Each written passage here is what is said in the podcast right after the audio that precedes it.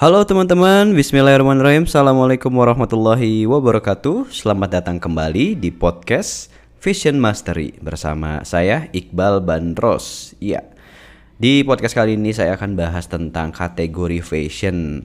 Ya mungkin judulnya nggak begitu menarik Tapi mudah-mudahan teman-teman semua bisa mendapatkan sesuatu dari podcast yang insya Allah berfaedah ini.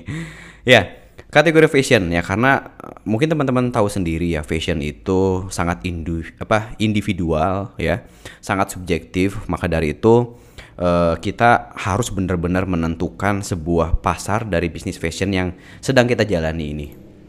Nah beberapa uh, kategori ya untuk industri fashion atau brand fashion itu sendiri uh, terbagi dari beberapa kategori ya Uh, yang pertama kategori berdasarkan jenis ya jenis proses. Jadi uh, teman-teman mungkin teman-teman sudah tahu gitu ya fashion itu nggak cuman uh, distro gitu kan, nggak cuman butik. Nah ternyata ada beberapa proses yang membuat uh, fashion itu berbeda.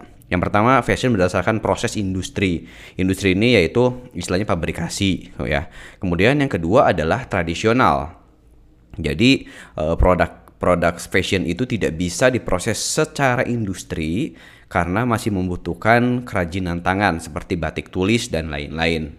Ya, kemudian dari uh, prosesnya pun ya si fashion ini terbagi dua juga gitu. Ada made to order, ada ready to wear ya. Made to order itu seperti kita membuat uh, gaun, membuat uh, jas gitu kan atau uh, istilahnya produk-produk fashion yang dibuat oleh Tyler. Nah, yang kedua ready to wear ya. Ready to wear ini adalah produk-produk fashion yang memang sudah siap pakai atau siap kita gunakan.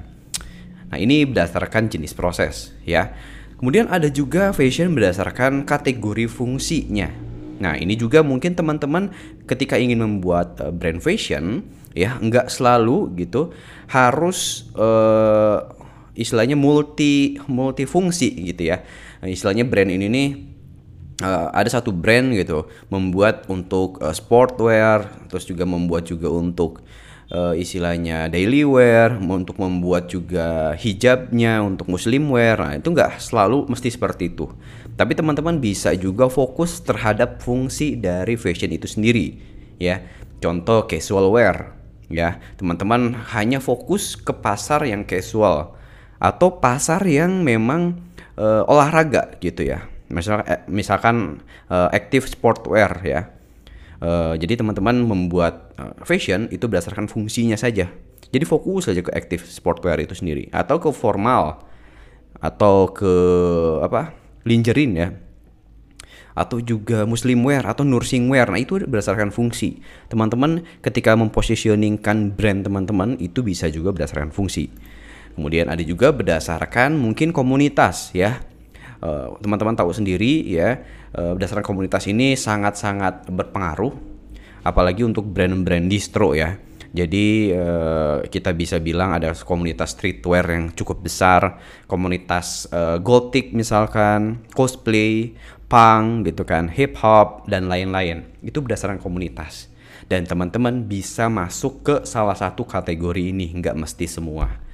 Kemudian yang selanjutnya adalah kategori berdasarkan segmen pasar. Segmen pasar ini mulai dari lahir sampai kita meninggal gitu ya. Ya, jadi karena uh, kenapa kita bisa juga uh, ngambil positioning berdasarkan segmen pasar karena kalau teman-teman fokus aja ke newborn ya. Kalau kita lihat data uh, kelahiran bayi setiap tahun itu bisa di angka 5 juta ya. Ini kalau nggak salah ya teman-teman bisa searching sendiri angka kelahiran bayi. Kalau teman-teman fokus di situ dan uh, istilahnya menjadikan itu membeda istilahnya menjadikan itu pembeda dari brand yang lain dengan brand teman-teman yaitu berdasarkan kategori newborn itu. Nah teman-teman itu pun insya Allah sudah bisa menjadi top of mind gitu ya.